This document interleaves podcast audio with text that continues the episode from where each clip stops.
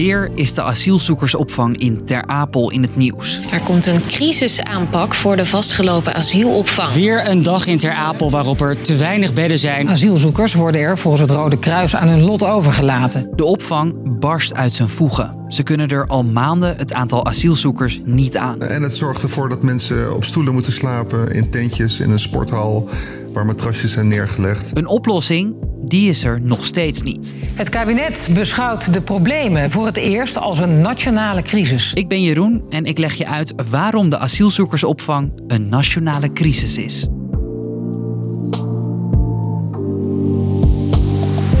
Lang verhaal kort. Een podcast van NOS op 3 en 3FM. In Ter Apel staat het enige aanmeldcentrum voor asielzoekers in Nederland.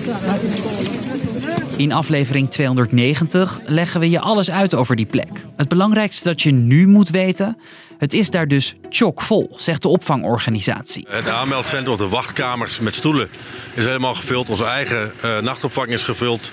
Onze sporthal ligt helemaal vol. Sommige nachten slapen mensen op stoelen. Of zoals in oktober 2021 op kartonnetjes op de grond. Soms is er zelfs een tekort aan eten en drinken. People are sleeping actually in the floor, especially for first night or second night. They just told us bye bye and just left us on the road and just say go. Binnen is het vaak luidruchtig en kun je een beetje privacy ook wel vergeten. En toen in juni dit jaar binnen geen plek meer was, bouwde het Rode Kruis noodtenten op het parkeerterrein. Het liefst wensen wij uh, gewoon een dak uh, boven iedereen's hoofd. Uh, alleen is, ja, is nu zo ver gekomen dat dat er niet is.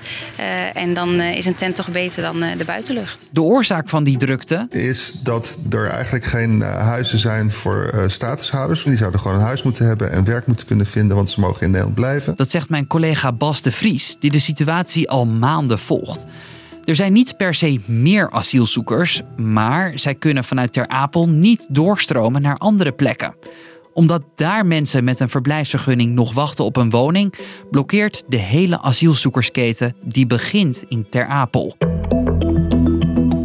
Het kabinet noemt de problemen nu officieel een nationale crisis. Nou, een nationale crisis die hebben we heel zelden. Die hadden we bijvoorbeeld bij de MH17-ramp en bij corona. Vanaf nu komen elke dag ministers en ook de minister-president samen in een crisisteam om te overleggen. All systems in the room. Iedereen bij elkaar brengen. En uh, dat is Nederland. Ik heb in de elf jaar dat ik dit nu doe gemerkt uh, dat dat de snelste route is naar oplossing. Staatssecretaris Van der Burg van Asiel was eerst min of meer alleen aan het rondbellen bij gemeenten. Nou, ik denk dat de hoop is dat die gemeenten iets meer urgentie voelen vanuit het kabinet. Hè. Dat hij niet alleen maar daarom vraagt, maar dat iemand als Rutte uh, en de minister van Justitie dat bijvoorbeeld ook uh, dagelijks vragen.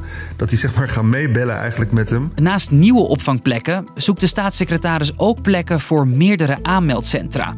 Al gaat het nog lastig worden om de gemeente te overtuigen, denkt Bas. Die zien die beeld, die zien, de, die zien tenten, die zien uh, mensen uh, op een gegeven moment hè, buiten met slaapzakken in het gras liggen een aantal uren. En die denken, oh gaan we dat hier ook krijgen als wij hier een aanmeldcentrum beginnen. Als het echt niet lukt, dan kan het crisisteam ze ook aanwijzen. Maar dat kan alleen voor een korte periode. In de wet zitten mogelijkheden, maar dat wil je zo eigenlijk. Ik geloof niet dat iemand dat wil. Toch bereidt de staatssecretaris wel een nieuwe wet voor. Die ervoor zorgt dat iedere gemeente de verplichting krijgt om ruimte voor uh, asielzoekers in de gemeente te, te bieden. En die uh, moet dit jaar, uh, wat mij betreft, door de Tweede en Eerste Kamer aangenomen worden. Een lange termijn oplossing is dat gemeente een aantal asielzoekers krijgt toegewezen. Dat zegt een adviescommissie tegen het kabinet. En dat voorkomt dat een bevolking zich overvallen voelt door de mededeling van het gemeentebestuur dat er een asielzoekerscentrum in hun wijk komt. Je weet gewoon van tevoren eigenlijk wat je kunt verwachten. Hoe meer inwoners, hoe meer asielzoekers is het idee. Al is dat voor sommige plekken ook weer ingewikkeld, legt Bas uit. In een gemeente als Delft zeggen ze bijvoorbeeld: ja, we hebben hier eigenlijk bijna geen ruimte. Alles is al heel compact boven op elkaar gebouwd. Dus um, nou, misschien is er, is er een soort van uitwisseling mogelijk in dat nieuwe systeem tussen die verschillende gemeenten. Maar in ieder geval, dat, dat is nog iets waarover moet worden nagedacht. Bovendien zou het kabinet volgens sommigen iets tegen de instroom moeten doen. Wat meer omstreden, maar sommige partijen in de Tweede Kamer die pleiten daarvoor. En dat is dat we gewoon niet meer iedere echte vluchteling in Nederland toelaten, zoals we nu hebben beloofd in verdragen. Maar dat we naar een systeem gaan waarin we bijvoorbeeld maar 10.000 per jaar toelaten. Een commissie gaat daar later nog advies over geven aan het kabinet. Dus, lang verhaal kort. Het kabinet noemt de overvolle asielzoekersopvang nu een nationale crisis. Ministers overleggen dagelijks om zo snel mogelijk extra bedden te regelen, zodat niemand meer in een noodtent op een stoel of op de grond hoeft te slapen.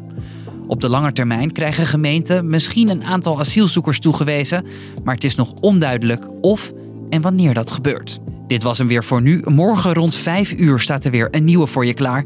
Bedankt voor het luisteren.